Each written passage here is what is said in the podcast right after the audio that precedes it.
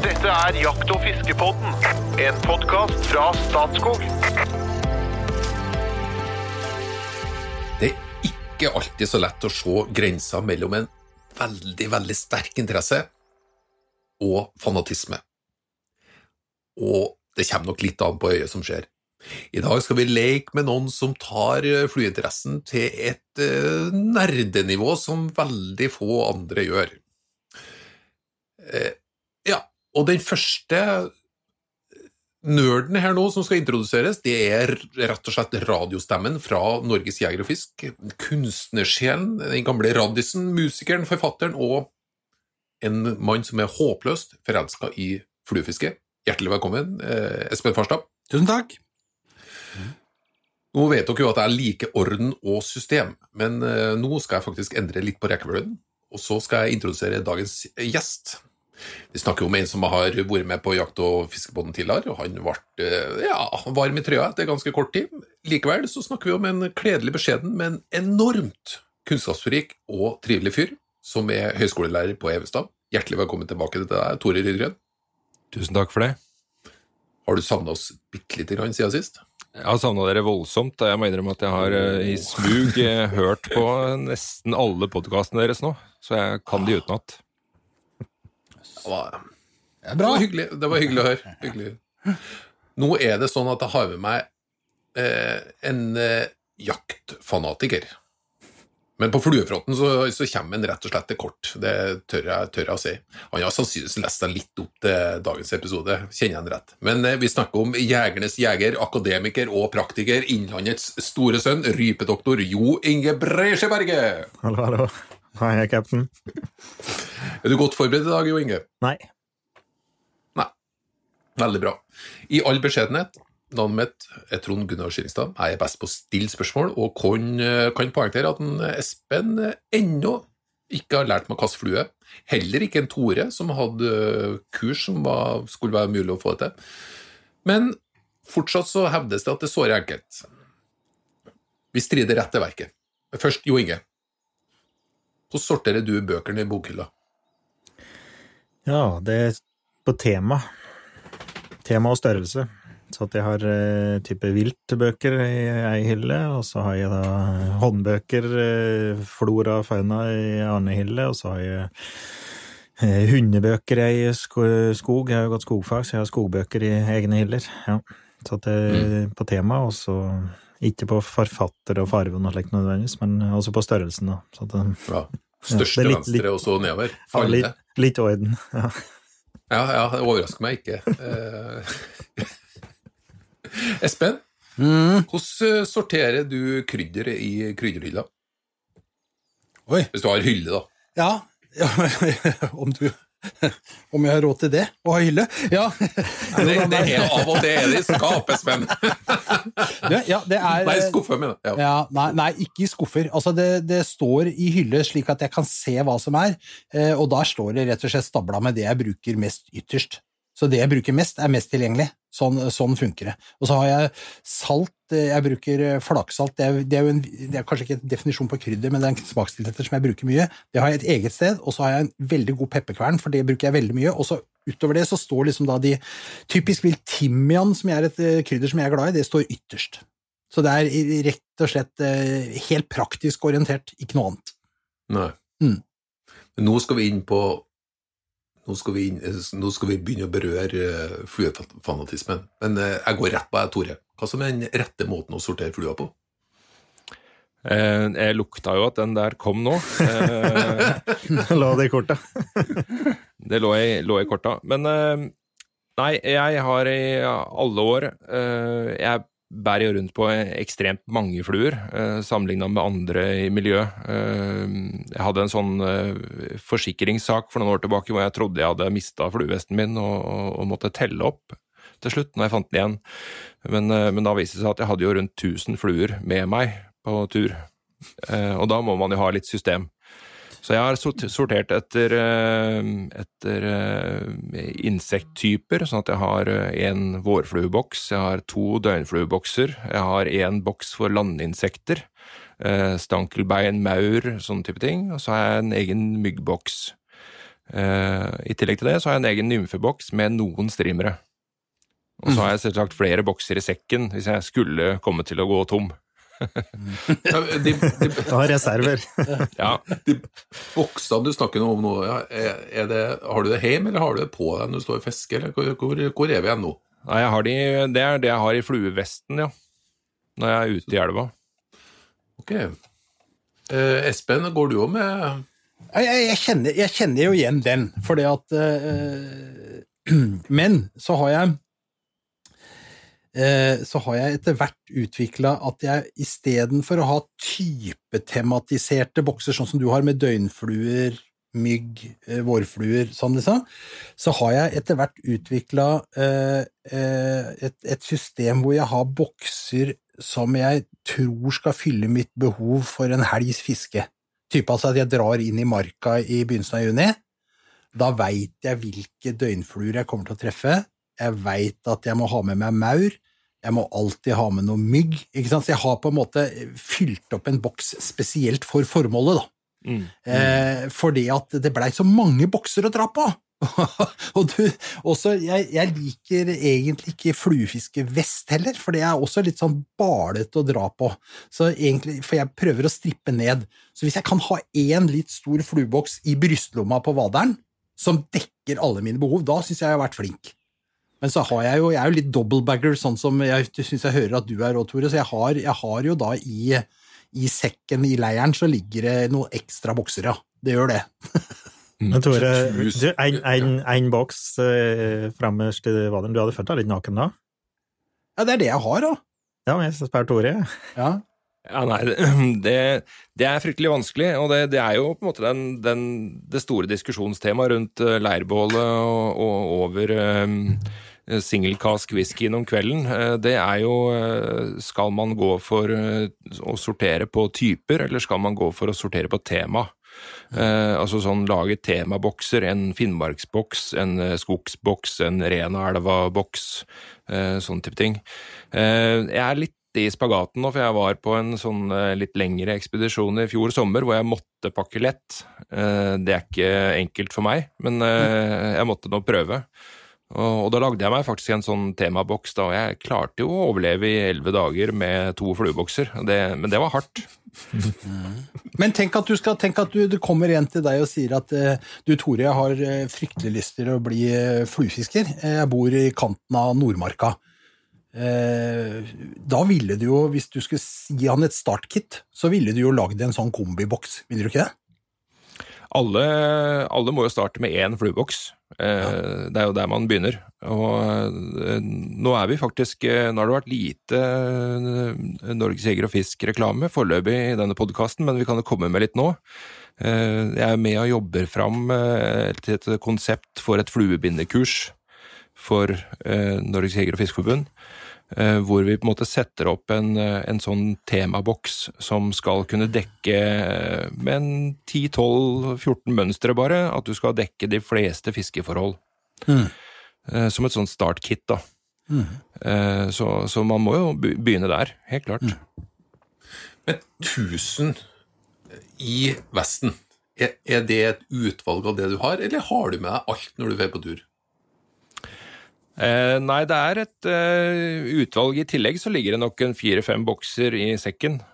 Eh, så jeg, jeg har med meg mye. Hvor, Altså- hvor, hvor mange er det oppi hver boks, da? Når du snakker om eh, type, typeboksene dine. Ja, nei, det, det, det varierer jo veldig, avhengig av størrelse på fluene. Altså I en eh, myggboks, eh, der går det jo mange, mange, mange fluer. Eh, mens eh, her snakker vi vulgata-boksen, så, så da er det ikke så mange du får plass til, for det er jo store døgnfluer. Men i, i boksen, da, Tore, så Når du har myggboksen, for eksempel, så sorterer du på, typ på krokstørrelse eller noe, i, så at du har eh, mange rom i boksen opp, Eller eh, ligger de hulter til bulter? Nei, Eller farve, eller eh, aldri hulter til bulter. Nei, Men, ante meg det, eh, skjønner du. Jeg, jeg setter jo kikker meg litt eh, skjønner du, Tore. Ja, er, det, er det OCD det heter? Eh, Nei, De er jo sortert på eh, klekkefase. Altså, Jeg har jo myggpupper, jeg har myggklekkere og jeg har tørr mygg. Det er liksom de tre hovedtypene med mygg som ligger i mine myggbokser. Og så er det jo mønstre. Så jeg setter jo alle av samme mønster i, ved siden av hverandre, pent på geledd. Så at jeg har kontroll på hvor mange jeg har av hver. Nå er vi inne på, nå må vi, nå må vi stoppe litt, for at det, her snakker Jo Inge, du snakker om fluebokser med rom i. Mens du, ja. Tore, du snakker om at du setter dem på geledd. Og da er det liksom hva slags type fluebokser er det vi bruker også? Ja. For det, det med fluebokser med rom i, det er blitt litt sjeldnere. Ja, eh, jeg må innrømme at jeg bruker litt begge deler. Eh, jeg er veldig glad i fluebokser med rom i til fluer som, som eh, må få lov til å ligge helt fritt. Eh, Som skal ha f.eks. et hackle, en sånn fjæredusk som skal sprike til alle kanter. Da må de få lov til å ligge helt fritt for ikke å bli ødelagt og misforma under transport. Eh, Mens en eh, nymfe, for eksempel, som er egentlig en bar krok med litt uh, tråd og glitter på, den, uh, den tåler jo å pakkes hardt. Så den kan du ha i, i type bokser hvor du setter de fast i bånn av boksen. Er det noen universelle krav til en flueboks? Hva slags fluebokser foretrekker du? på en måte? Det finnes jo mange forskjellige varianter. Ja, eh, det, det kommer litt an på, men eh, jeg er veldig glad i fluebokser som er vanntette. Mm Jeg har kasta mye fluer opp gjennom åra fordi de har blitt våte, enten ved ufrivillig dyp vading eller eh, regnvær eller sånne ting, og så har de rusta, og så blir krokene rett og slett dårlige. Så jeg, jeg er glad i vanntette bokser. Men ja, det finnes et utall av ulike fluebokser. Eh, jeg er også veldig glad i sånne veldig lave bokser med silikon eh, i eh, innvendig, for de er nesten uslitelige. Eh, veldig fine til nymfer, for eksempel. Som dere skjønner, det er ikke så mye tilfeldigheter ute og går her. Jeg er veldig opptatt av at, at flueboksen eh, skal være tett, det er jeg helt enig i. Så, så de der moderne eh, boksene som har en sånn der gummifòring rundt som du lukker til, så, så at det er helt tett, det er veldig bra. Og så skal den flyte. Ja. Det er viktig. Altså Metallbokser som vi hadde, sånne gamle Hardy-bokser fra i gamle dager, det var jo helt håpløst. Mista det, så sank det jo rett i bånn, og borte var den. Det, det går jo ikke. Jo da, men jeg, men jeg har sett de som har hatt uh, vanntette bokser uh, som er fulle av sånne tsjekkiske nymfer, sånne tunge nymfer, uh, som har klart å få en sånn til å synke også. Så Jo, det, det da- går an. Du kan steine den ned, liksom. Ja, nei. Og så syns jeg det er fint med de flueboksene som har gjennomsiktig lokk. Altså som du ser inn i boksen utenfra. For at du, så kan du snu den og holde på. Det er ofte tosidige greier å finne akkurat den flua du skal ha før du åpner den. liksom. Ja. Så egentlig litt ujålete. Det skal være praktisk, tenker jeg. Altså, jeg slo en sånn liten eh, retrokrøll her i sommer, eh, av at jeg skulle på en sånn type lettvektstur, så da var jeg tilbake igjen til det glade 90-tall med disse eh, blanke Devit-boksene, husker du det, Espen? Nei. Eh, sånn pleksiglassbokser som var helt klare, med store rom i. Ja. Var veldig populære på 80-90-tallet. Ja. Eh, de er jo ekstremt lette, og de er eh, rommelige, så du får plass til masse fluer og lav vekt. Mhm. Så det er sånn tips til gramjegeren, da. Men i, i boksen, ok, så det, det er type. Eh, Espen ville ha tenkt egentlig hadde sortert til og med inni boksen på at det lettest tilgjengelig, det er det han bruker oftest. Eh, Det ville jeg Det var det gjennomgående prinsippet til Espen Farstad. Men eh, hvor langt drar du der, Espen? Jeg tør, jeg, tør, jeg tør nesten ikke si det, men nå skal dere høre hvordan dette egentlig er. Og i min verden. Jeg er jo veldig enig med, med Tore i mange av hans refleksjoner rundt dette her. Jeg vil, jo, jeg vil jo ideelt sett ha orden i boksen min. Så når sesongen starter, så starter jeg med å rydde. Altså før jeg på en måte begynner på årets tørrfluesesong, så rydder jeg. Og da gjør jeg det på følgende måte. Jeg tar eh, de flueboksene som jeg har eh, brukt i fjor, pluss alle de døgnfluene og alt det jeg har som jeg vet jeg skal bruke, tømmer det ut på et bord, og så ber jeg kjæresten min om å rydde opp. For hun har Ja, men, ja, men Den så ikke jeg kom! Nei, ikke jeg heller, men, men hun satt nemlig over skulderen min og så at jeg gjorde dette her, og så sier hun Espen, dette er jo egentlig en jobb for meg, for hun elsker sånn pirk og systematisering. Og så tenkte jeg ålreit, dette er jo en fantastisk mulighet, men hun får ikke lov til å sette seg ned her og begynne å, sortere disse etter farge, eller etter, sånn?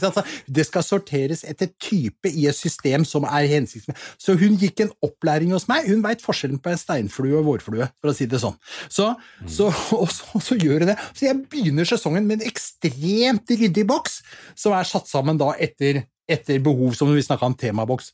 Men så er jo jeg en håpløs rotehue som når jeg står og fisker. Da fester jeg jo på kryss og tvers i boksen og i fiskecapsen og overalt, ikke sant. Så når sesongen er over, så er det kaos. Så er det kaos. Så jeg må gjennom dette her hvert år. Det gjør jeg. Men det er en veldig glede når jeg er på første turen jeg åpner og ser der ligger alle marginata, klekkerne mine på rekke og rad, og så kommer alle dønsene, liksom. Og det er veldig orden på dette her, da. Det, jeg liker det. Jeg må si at jeg Jeg, jeg, eh, ja, jeg, jeg syns du lever farlig, Espen. Den, den, den formen for pareterapi den tror jeg aldri at jeg skal innlate meg på. Eh, Ja. Men, men jeg, jeg har et annet lite triks, da, for jeg, har, jeg jukser litt. For jeg har, jeg har nemlig en boks til. Eh, Det er en sånn liten eh, foldeboks som sitter utapå flueveksten. Ja. eh, Som, hvor det er plass til en 50 fluer, kanskje. Og der sitter de mest brukte. Det er det er liksom, det er liksom den inn- og ut-boksen som jeg tar uh, og tørker de våte fluene på, og så har jeg liksom det mest tilgjengelige, mest brukte, det, det sitter der til enhver tid. Eh, og den rydder jeg av og til. Rydder jeg tilbake igjen i boksene, og, og gjerne før en tur også, så, så starter jeg med å plukke ut de seks-sju mønstrene jeg tror kommer til å funke på turen jeg skal på. De setter jeg klar i okay. den boksen der. Ja. Så det er ytterste, det er ytterste krydderhylla. Ja. Det er ytterst Akkurat. krydderhylla. Ja, ja. Ellers så, ellers så har jeg et annet system da på, på høsten. Eh, sånn innimellom all jakta, eh, så, så liker jeg også å, å strø fluene utover bordet. Eh, jeg slipper ikke til noen andre, men eh, da, da går jeg gjennom hvilke mønstre var det som virkelig var bra denne sommeren. Det er en sånn viktig, litt sånn hellig prosess. Eh, og da setter jeg meg opp lister over hva jeg må binde opp i løpet av vinteren, og hva, hva som liksom er nye mønstre, nye faste mønstre inn i boksen, og hva som ryker ut av gamle travere som kanskje ikke produserer så bra lenger. Kjempespennende. Men du, du nevnte at du syns ikke jeg drev med riktig parterapi. Jeg har påtatt meg en ny rolle i, i Jakt- og fiskepodden, Tore, siden sist du var her. Eh, jeg syns det er for lite kulturelle innslag her, så jeg bringer nå inn eh, i, hvert, eh, i hver utgave av Jakt- og fiskepodden en eh, limerick. Og den handler om akkurat det. Og den handler vel i bunn og grunn litt om deg, tenker jeg. Så nå skal dere få høre. En fluefiskefantast ifra Rena ville bare svinge fluefiskescena. Det gikk helt over styr, selv på romantiske eventyr hadde han vadesko på begge bena. ja, ja, ja. Ja, jeg fikk noen bilder der. ja, det er bra. Det er bra. Det er imponerende. Eh, Du, Jo Inge, altså, jeg, jeg, egentlig så hører jeg en viss sånn uh, gjenklang i tilnærmingsmåten mellom deg og Tore. Hørte du det nå når han, når han setter seg ned på høsten? Det, det er noe av det samme som eh, du bedriver òg, Ja, ja. jeg, Jeg har, i, i eh, forhold til jakta. ja, jeg har orden i våpenskapet mitt og ammunisjonsskapet mitt, og det er sirlig dandert. Mm. Men, Jeg, men, men, bland, jeg blander ikke patroner. men, men dette sier jo nå, Tore, om hva du jeg, Ut fra det du har sagt om fluefisket ditt nå, så skjønner jeg jo at du er en imitasjonsfluefisker. Altså en som imiterer systematisk det som skjer, fordi du er en systematiker. Det, det, det skinner jo gjennom alt du sier. Ja, det, til en viss grad. Jeg er nok, jeg er nok avhengig av litt orden, men, men jeg, er ikke, jeg er ikke veldig firkanta i hodet mitt sånn generelt, tror jeg. Eh, Jeg er god på å improvisere, eh, og jeg har også en del mønstre som er litt sånn crossover, multiimitasjonsmønstre multi-imitasjonsmønstre og sånne ting, så, så de er jeg også veldig glad i. Men du sa faktisk inn på det. Forrige, forrige episode, da, da fortalte Tore litt om at han var litt uh, Tillot seg sjøl å gå uh, nye veier, egentlig. Mm. Ja, du legger Palmer Hackle på en døgnflue, liksom er helt gæren, på en måte. Ja, ja. Helt Ikke sant? Ja, ja. ja, ja, men det er, jo, det er, jo, ikke noe som er mer bedre enn det, på en måte. Men, men, men, men det er en fellesnevner det da, for jegere og fiskere, at vi, vi, kan jo, vi kan jo områ oss. da. Vi kan mm. Eh, tilpasse situasjonen der og da. Ja. Men du, sa, du, ga et stikkord i stad, Tore. Nå kommer vi inn på noe veldig interessant, syns jeg. fordi Du sa noe om at uh, du evaluerte litt sesongen og så litt på hvilke som funka og hvilke som ikke funka. og litt sånne ting. Og så da er det slik at det også fins en moteverden ute blant fluefiskere. For det at det fins Jeg, jeg har jo, er jo blitt så gammel at jeg har vært gjennom liksom noen perioder. En ting er at man utvikler seg, og sånne som deg som tør å tenke crossover, videreutvikler på en måte mønstre og tankesett og sånt, det er jo alltid interessant. Men så er det liksom noe altså, Hvor ble det av fluer med organzavinger? Det var kjempestort på, på 90-tallet. ikke sant? Pål Krogvold kom med sånn derre no-hackle organza-fluer. Det var jo liksom løsningen på van, alle vanskelige døgnflueklekkinger. ikke sant? Det er det ingen som bruker lenger. Nei. Jo det er noen som bruker det. Eh, men jeg, tenker at hvis du, hvis du, ser på det der som eh, Nå blir det litt sånn småpoetisk her, da, men eh, hvis du tenker deg det her som, som bølgeslag mot en strand Eh, så er det Det kommer sånne bølger hele tida, og jeg syns litt synd på de som bare er på én bølge. Mm. Uh, og så at du ikke klarer å se helheten i det. Uh, jeg fisker jo med, med fluemønstre som ble laga på 20-tallet, uh, og jeg fisker med fluemønstre som ble oppfunnet i går. Så, så, det å altså, henge seg opp i en tidsepoke eller i en motetrend, det, det syns jeg er litt det er litt for begrensende, i hvert fall for meg. Mm. På hvilke måter er trendene? da? Er det i fargebruk eller utseende eller form? Eller hva, hva er det som slår inn? Det er, det er, litt sånn som i moteverden ellers, eh, som Espen er inne på. Eh, du ser at det kommer stadig tilbake igjen. ikke sant? I klesveien og sånne ting så kommer det tilbake mote fra 50-tallet, 60-tallet, sånne type ting. Og, og, mye av det samme skjer i fluefiske. Nå for en fem-seks år siden så ble det jo veldig populært med disse catskill døgnfluene. Det, det ble liksom en voldsom hype. Eh, det er jo døgnfluer som ble laga i USA på 1910-, 20-, 30-tallet. Som var en sånn, veldig sånn avgrensa trend i fluefiske akkurat der og da, men så plutselig så fikk det en, eh, en oppblomstring igjen. Så, så, sånne ting, det, det kommer jo hele tida. Mm. Men det er klart, det er jo noen store, det er noen store endringer her som har satt varige spor. Altså det at vi fikk eh, hele denne imitasjonsbølgen inn på, på 90-tallet med bruk av, eh, av, eh, syntetiske materialer, det var jo en, en, en, game changer, på en måte. Ja, det var en game changer, og kanskje sånn på fluebindematerialer. Den største endringa jeg har sett siden Altså, jeg starta å fiske med flue i 1978. Jeg handla på Flyfishers i Balders gate. Ja. Eh, bak Slottet, eh, som åtteåring. Eh, var litt gæren. Men eh, største endringa jeg har sett, det har vært på, på bindematerialer. Eh, og særlig det at CDC-en kom inn i bildet. Eh, ja. Det har eh, utvikla fluene mye. Da bryter Oversetterforeningen inn og forklarer ja. begrepet CDC for de uinnvidde. Det er kull de canard det er altså andegompefjær. Ja, altså, og Anda har en kjertel ved gompen som den uh, tar ut noe fett som man smører inn fjærdrakten sin med for at den hele tida skal være vanntett holdt jeg på å si, og flyte godt i vannet. Disse fjærene har en fantastisk flyteevne, og de er veldig fine og lette, og de egner seg derfor godt til fluebinding. Og, da, og, da, må jeg skjære, skjære, inn med et lite tips, siden vi har både jegere og fiskere som lytter her, og vi har eh, Breisjøberget ivrig lyttende på andre eh, enden av tråden her, så, så, det er viktig å understreke at det er mange fugler som har den type fjær. Eh, også alle våre skogshøns eh, har det, eh, rypene har det. Uh, og det er uh, ekstrem kvalitet. Altså, det blir feil å si CDC fra tiur, men, men sånn gompefjær fra tiur. Fantastisk materiale. Det er sånn gråsvart, eh, spettete Det er så fishy at du ikke tror det.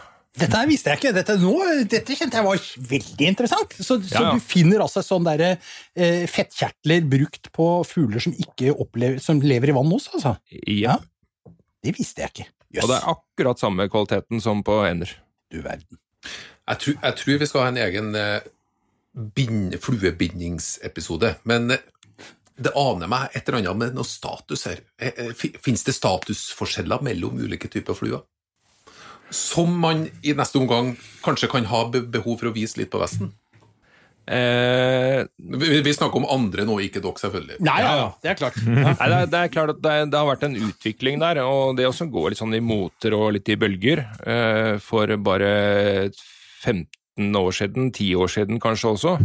Så hvis du fiska med noe annet enn tørrflue da, eh, så da, da, da var du ikke helt god. Eh, da hadde du behov for eh, terapi eller et eller annet. Eh, at da, Jeg kjenner jo folk som, eh, som ikke turte å gå med streamere synlig synlige på fluevesten, eh, og var redd for å bli tatt for det. Eh, Men det har nok utvikla seg litt, og det har nok blitt mye mer akseptert siste åra. Jeg ser at du må forklare det for Trond Gunnar, for han eh, knapt vet han hva en streamer er, og han skjønner jo ikke hvorfor det er som det er.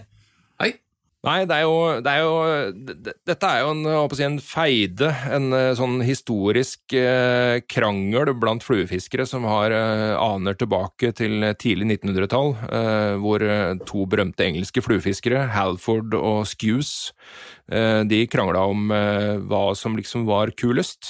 Halford han holdt på at det kun skulle fiskes med tørrflue. Alt annet var usportslig. Eh, mens eh, Skews han var mer på det at vi skal prøve å imitere det fisken faktisk spiser, så han fiska også med nymfer. Og det var jo en batalje og en stygge brev som gikk eh, på kryss og tvers, og, og den feiden har på en måte fortsatt i fluefiskemiljøet helt opp til våre dager. Eh, så, så det er litt sånn uh, Ja, vi har arva litt sånn uh, dårlig engelsk fisketradisjon, tenker jeg, fra den feiden der. Og streamere, det er jo da eh, type fiskeimitasjoner, liksom, altså fluer Ja, som er fiskeimitasjoner. Ja, og så da er det liksom sånn, det er, det er nesten slukfiske med fluestang, er det noen som da sier, ikke sant? Og så blir det det krangelen. Dette er jo, Ja. Men det er mye jåleri i fluefiskeverdenen, da, Tore, må jo si det. Det Ja, er mange jålete greier her. Ja, eh, men der vil jeg tilbake igjen. Altså sånn, eh, eh, på gode møter så er det noe som heter 'til dagsorden'. Så viser man sånn timeout-tegn, er det ikke det? Jeg jeg synes, altså Jeg likte veldig dårlig den tittelen, eller den arbeidstittelen som dere hadde på denne podkasten, med, med fluefiskefanatisme. Altså, fanatisme er ikke et ord jeg liker i det hele tatt. Det, er, det, det har en del dårlige assosiasjoner. Men det å kalle det for fluefiskenerding, eh, det er jo det vi egentlig snakker om her. Eh, Det er jo et mye bedre begrep. Og, kan bli eh, det som blir tittelen, vet du, Tore. ja, jeg håper jo inderlig det. For det er jo, det er jo snakk om altså, hvor dypt kan man nerde. Og jeg har jo noen eksempler som jeg har notert meg her, da, på at, at det, det går an å grave ganske dypt. Sånn, et eksempel da er Dere har sett filmene 'Ringenes herre', ikke sant? Hvor mange av dere var det som så vak der? Vi er jo tross alt gjort opptak på New Zealand. Ja, ikke sant? Er tidenes, ja. Så når du, på, når du sitter og ser på 'Ringenes herre' og, og sitter og ser etter vak istedenfor å se på filmen, da vet du at du er en ordentlig fluefiskenerd. Ja, du er en ordentlig Ringenes herre. It's the ring of the rice, vet du.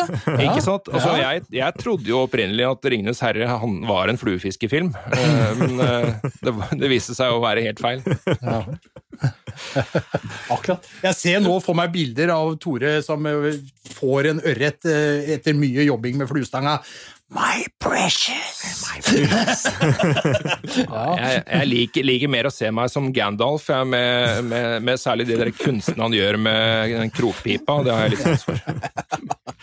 Det verste, verste, verste Tore, det leiter både etter gemse og tar i noen av disse bildene.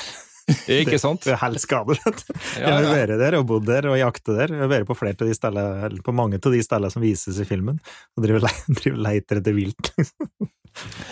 Et lite spørsmål om, om trender, utseende, status. Eh, hvis jeg har forstått det rett, så kom eh, om fluefiske for alvor til Norge via ja, engelsk adel, europeisk adel, engelsk adel. Og da var det nok innslag av mye fine fjære fra britiske kolonier. Og så ville jeg tippa at Det ga ekstra status at det var sjeldne fjær fra fjerne land, og gjerne at de vistes litt ekstra. Ser vi noen spor, spor av det fortsatt? At, eh, altså den fjærpryden, da. Eh, den, den tradisjonen med å binde disse klassiske laksefluene da, som du refererer til der, den lever jo videre i beste velgående. Eh, og det er jo vakre kreasjoner, og de, de fisker jo fremdeles. Eh, men det er jo riktig som du sier, da, det var jo en sånn viss eh, overtro blant eh, engelske sportsfiskere som kom til Norge for å fiske laks primært, at eh, jo jo, jo mer fargesprakende fluene var, eh, jo, jo bedre var det. Um, nå har man nok bevega seg litt bort ifra det, og det er nok litt mer eh, low-key, uh, mye av de materialene vi bruker i dag. Uh, sånn som uh, CDC-fluer, de, de ser jo egentlig ikke verken spesielt vakre ut eller noe som helst, men en god fluefisker ser med en gang at dette fisker. Det er noe som Altså, de fluene er så fishy, som vi kaller det, at det er sånn du, det bare lyser fisk av deg. Ser du, hvis du ser en annen enn når du står eh, ved elva, så ser du vesten til en annen, ser du hvor eh, erfaren fluefisker vi snakker om der? Ja, eh, da kan jeg jo eh, bare dra den med en gang, da, at eh, som, som Espen sa i stad, det, det er sjelden å se folk med vest. Eh, men hvis du møter en med vest i dag, så er det sannsynligvis en litt eldre fluefisker som har fiska lenge. Eh, vi hadde en diskusjon på Facebook her for ikke så lenge siden, og da konkluderte vi egentlig med at det er bare jeg og Pål Krogvold som fremdeles fisker med fluefiskevest. Eh, alle andre hipstere og Nesøya-beboere, de, de fisker jo med rumpetaske eller et eller annet rart. Mm, Er jeg- Nei, jeg har skreller som sagt ned til eh, det jeg kan ha i frontlomma på vaderen, eh, og er en fri mann.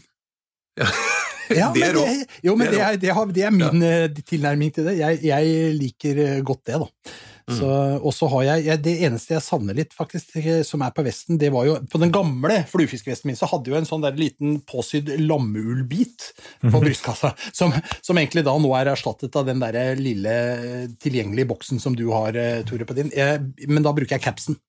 Der sitter det en del fluer som er liksom i bruk, da. Men, men det er jo problematisk, for det, det, de, de, den, de sitter jo fast. Skal ha en løsning, da.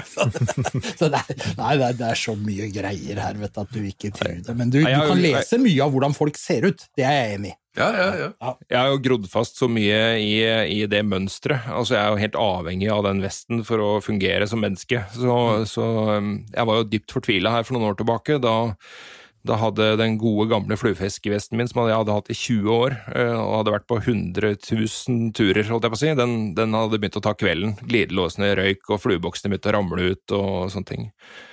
Og så fortalte jeg om det i dyp desperasjon til en kompis, og så kikka han litt på meg og sa han, eh, vent litt, og så forsvant han opp på loftet, og så kom han ned igjen med en helt ubrukt vest av nøyaktig samme type. Og jeg ble så glad. Nå, nå, da visste jeg at nå har jeg 20 år til foran meg med godvesten. Du, vi- vi skal begynne å nærme oss eh, landingene, men et par ting jeg lurer på. Eh, Snakk om vanntette bokser. Hvor stor er faren for at uh, krokene begynner å ruste? Og hvordan unngår dere det? Ja, du unngår det ved å, ved å gjøre sånn som meg, at de våte fluene de setter du på en tørkelapp, eh, sånn at du setter ikke våte fluer tilbake i boksen, eh, for da vil du få fukt i boksen, og da istedenfor å holde vannet ute, så holder da en vanntett boks holder vannet inne. Det, det er ikke noe smart. Så hold de tørre fluene tørre, og så har du de våte fluene på en tørkelapp utapå vesten. Men det er selvfølgelig verre med, med, med fluer som vi bruker i saltvann. Her er, her er dette faktisk en reell problematikk, altså, så du må være litt uh, oppmerksom på. Ja, jeg kan nevne at når jeg har vært i saltvann og fiska, fiska sjøørret og sånt, så da går jeg gjerne i dusjen etter fisketur, men da går jeg i dusjen sammen med fluestanga, fluesnella og fluene. Som snakker en eh, ekte fluefisker. Er vi inne på det med parterapi igjen? Ja. Jeg dusjer aldri uten min fluevest. Men litt eh, sånn fun fact til slutt. Det har vært litt artig, da. Eh, Tore snakka om å ha med seg 1000 fluer i vesten. Espen Farstad, Mm. hvor mange fluer har du? Hvor mange fluer jeg har totalt? Ja, Yes. Å ja, det er, det er nok, det er nok Jeg runder nok 1000 jeg også, uten problem, ja. Ja, jeg gjør det. Ja. Jeg binder jo sjøl, ikke sant? Ja. Ja, ja, ja. ja. Mm. Det, det, jeg, skal, jeg skal bitte litt inn på det òg. Tore, hvor mange har du? Nei, jeg aner ikke. Og så jeg ber dere etter denne episoden, tenk på innboforsikringa. Eh, ja. Men du må spørre Jo Inge òg, da. ja, jeg skal over det. Jo Inge, hvor mange fluer har du? Nei, jeg er jo jeg er født i ferje årtusen, så jeg har faktisk fluevest og fluebokser, men jeg har mange fluer jeg har. eh, Men jeg tipper jeg har noen hundre, da. Jeg har ikke, jeg har ikke tusenvis, jeg ikke, men noen hundre har jeg. Såpass, ja. ja. Hør der, en, en mann med fluefiskevest. Det er bra. Ja, jeg har fluefisk med lammeullsbit på, faktisk. Ja, Hør der. Og så en siste. eh, før Og vi, bindefluer. Ja, har bindefluer, ja, men uh, det var i ungdommen, da. I gamle dager. siste før vi runder av. Uh, hvor stor er utskiftinga? Altså, hvor mange nye fluer kjøper dere eller lager dere uh, hvert år? Og eventuelt hvor mange kasserer dere? Jeg kjøper nok et par hundre, og, eller binder. Jeg, det- jeg gjør litt begge deler. I gamle dager bare bandt jeg, men nå kjøper jeg en del også, for nå er det blitt veldig billig å kjøpe fluer. Så, men jeg, jeg liker fremdeles å binde, for da får jeg jo fluene slik som jeg vil ha dem. Men, men, eh, men eh, et par hundre blir det sikkert hvert år, altså. Det er jo en del av gleden til sesongen å kjøpe nye fluer, ikke sant? Jeg gleder meg jo! Ja, eller binde. Ja. Tore, du, har jo, du, du er sikkert inne på Excel-arket, noe å sjekke, men uh, cirka hvor mange Nei, jeg, jeg deler på en måte vinterens eh, flueproduksjon i, i to. Eh, Det er på en måte én sånn eh, eh, produsentbit hvor jeg håper å si, reproduserer de gamle mønstrene, fyller opp igjen boksene. For det er jo en avgang hvert år. Jeg driver jo også og guider ganske mye, og da, da gir man bort mye fluer. Ute mye med studenter og sånne ting, og da, da blir flueboksene tynna ut ganske kraftig. Eh, og så er den andre biten, som er mer spennende, det er liksom den kreative biten. Komme opp med nye mønstre, nye ting man har trua på, som kanskje skal bli eh, fast inventar i flueboksene etter hvert. Eh, så, men, men alt i alt, så det, det blir noen hundre fluer hver vinter, jo. Aner meg at det øker jevnt og trutt. Det gjør nok det. Jo Inge, øker det til deg? Nei, altså, jeg har jo fullt fluebinderutstyr og har drevet på med det her, jeg òg, men eh, jeg har valgt å legge det på hylla, så nå lader jeg heller patroner, jeg, da. Når de bytter Ja. fluer, så lader jeg patroner, og forbereder meg til sesongen. Det blir litt det samme, faktisk. Espen? Ja, jeg har et, jeg har et, jeg har et spørsmål til, til Tore før vi slipper ut her. Sånn, for at det, det er jo så mye vi ikke har snakka om. bare for å ha sagt Det da, det er veldig mye vi ikke har snakket om, men jeg har litt eh, eh, impregnering. Tørrflueimpregnering, eller hvordan impregnere. Hva bruker du? Dette er jeg veldig nysgjerrig på. Her har også skjedd en utvikling, skjønner du. Har vi en egen podkast for det nå? Eh, Ja, vi bør. Å, Såpass, ja. Det kan godt hende. ja. Nei Gi oss en eh, smak. En, en smak. Ja, nei, det, det er så mye med det med impregnering, men først vil jeg si at jeg, jeg bruker ikke så mye impregnering. Eh, Jeg bruker veldig lite sammenligna med veldig mange andre. Eh, eh, CDC-fluer, eksempel, de er jeg veldig nøye med, og eh, har jeg fått en fisk på dem, så skyller jeg dem godt i vann. Og så tørker jeg dem i en sånn liten tørkelapp med med sånn tjuke, er det ikke det som er inni der, Espen? Jo, det er det. Som trekker fuktighet. Utrolig. Nemlig. Ja. Mm. Eh, og så tørrkaster jeg de, og da fisker de like bra igjen. Eh, så CDC-fluer de bruker jeg ikke veldig mye impregnering på i det hele tatt. Eh, Hackelfluer de, de kan jeg impregnere, eh, og da er det jo denne legendariske dry-dippen som har blitt eh, forbudt i Norge, som, eh, som eh, fordi den var for dårlig merka, tror jeg. Eh, det var et eller annet sånt. Ja. Som, eh, som er eh, en av favorittene, ja. Som er svinedyr, hvis du søker den oppe på eBay og prøver å allikevel tuske til deg et par av de. Ja da. Ikke sant? Ja. Men det stopper oss ikke. Vi går jo over lik for å få fatt i en sånn. Du, jeg, jeg lukta lunta på det her ganske tidlig, så jeg har en sånn eh, Også på geledd eh, så har jeg vel eh, åtte flasker Å, stående. Fader. Så jeg er en rik, jeg er en rik mann. Vi skal snakke sammen eh, om dette, Tore. Ja. ja. Du, forresten, hva, hva som funker best? Sjøllaga eller kjøpt? Fluer? Ja.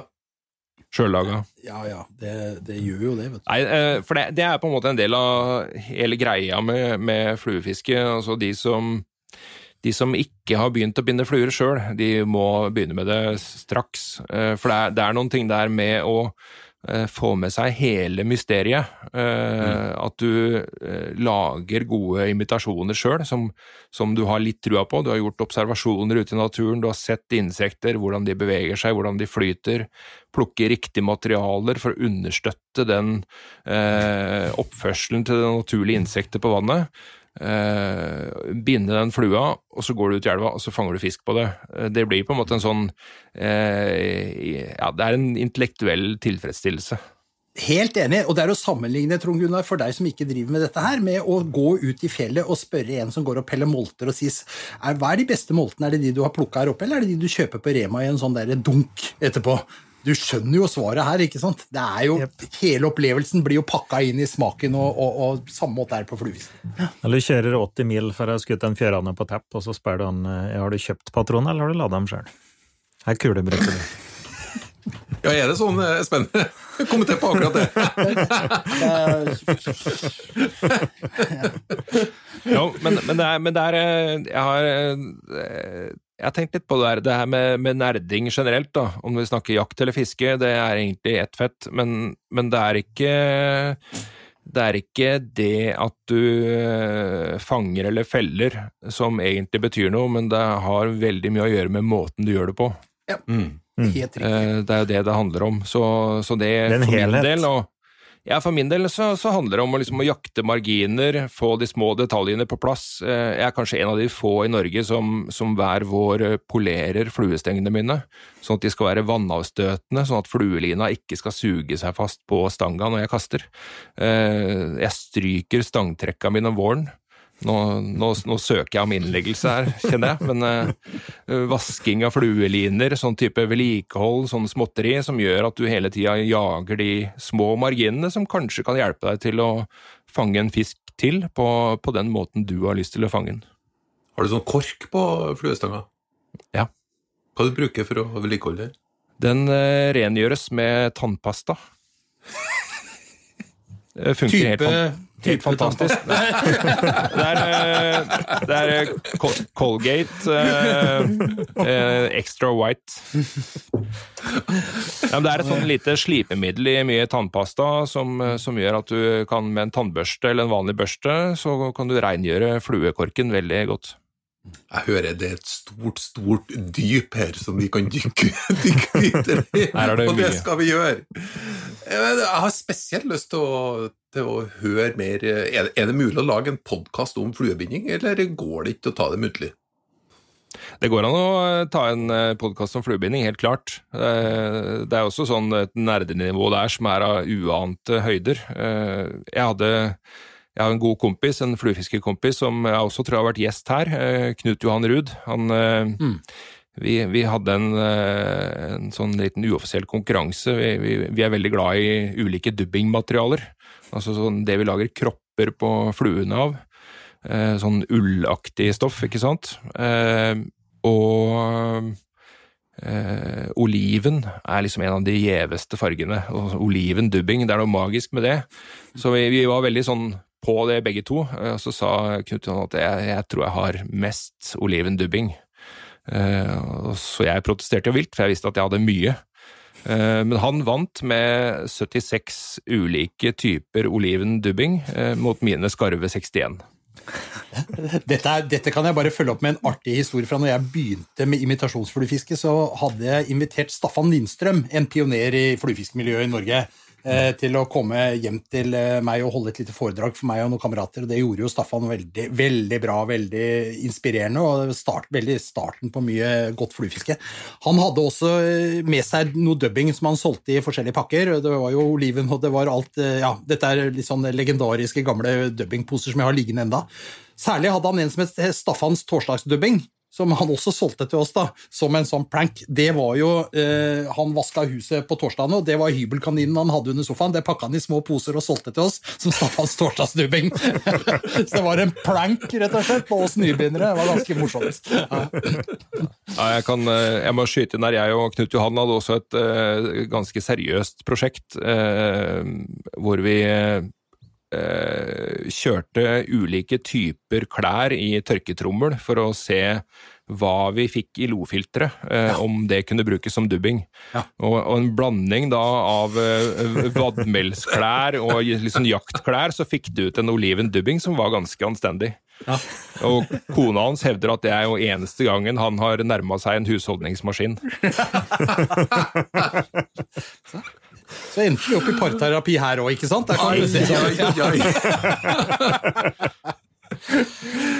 Kjære lytter, vi kommer tilbake med mer om fluefiske og fluebinding og vedlikehold og sortering. Eh, For her er det et, eh, det er et stort, stort hav med store dyp. Følg oss gjerne på Facebook og Instagram. Vi tar eh, gjerne imot tilbakemeldinger og spørsmål. hvis Vi, vi kan godt kjøre en egen episode om uh, fluefiske der fluebinding med å kjøre spørsmål. Spørsmålsrunde. Eh, og verv gjerne en venn. Eh, Man finner podkasten på Spotify og Apple og Overcast og Googlecast og alle mulige plattformer. Du finner jo òg på Norges Jeger og Fisk og Statskog sine hjemmesider. Da kan du lete deg frem til podkasten, og spille deg faktisk i, i, på PC-en din eller mobiltelefonen. Så du trenger ikke inn på noen plattform heller, hvis du ikke er bekvem med det. Da hjelper det oss nemlig å nå enda lenger ut med jakt- og fiskeglede. Er du klar for eh, det siste vi skal gjøre før vi lander helt? Hot or not? Ja. Det er vi. Da skal du si ja, Tore. Ja. Takk skal du ha. Da, da tar vi følgende rekkefølge. Espen, Tore, Jo Inge. Ford Mustang elbil, hot or not? Hot. Not. Hot. Interessant. Reveåte, hot or not? Hot. Hot. Hot. Ah, interessant. Vannkraft, hot or not? Hot. Not.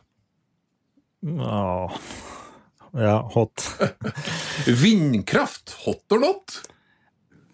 Not. Not. Not. En liten avviker her. Badminton, hot or not? Not. Hot. Hot. Nei, men Kjempebra. Da skal vi bare ta en siste, sånn at vi blir enige i studio alle sammen, for at vi, at vi danner et fellesskap helt til slutt. Åge Aleksandersens fantastiske låt fra 1978, der ungene i et sommervarmt baksete i bilen får klar beskjed fra far, noe som òg ga låttittelen 'Hold kjeft, spis is'! Hot or not? Not. Hot. Not. Det var hot fra alle sammen. Takk for følget. Vi høres neste fredag.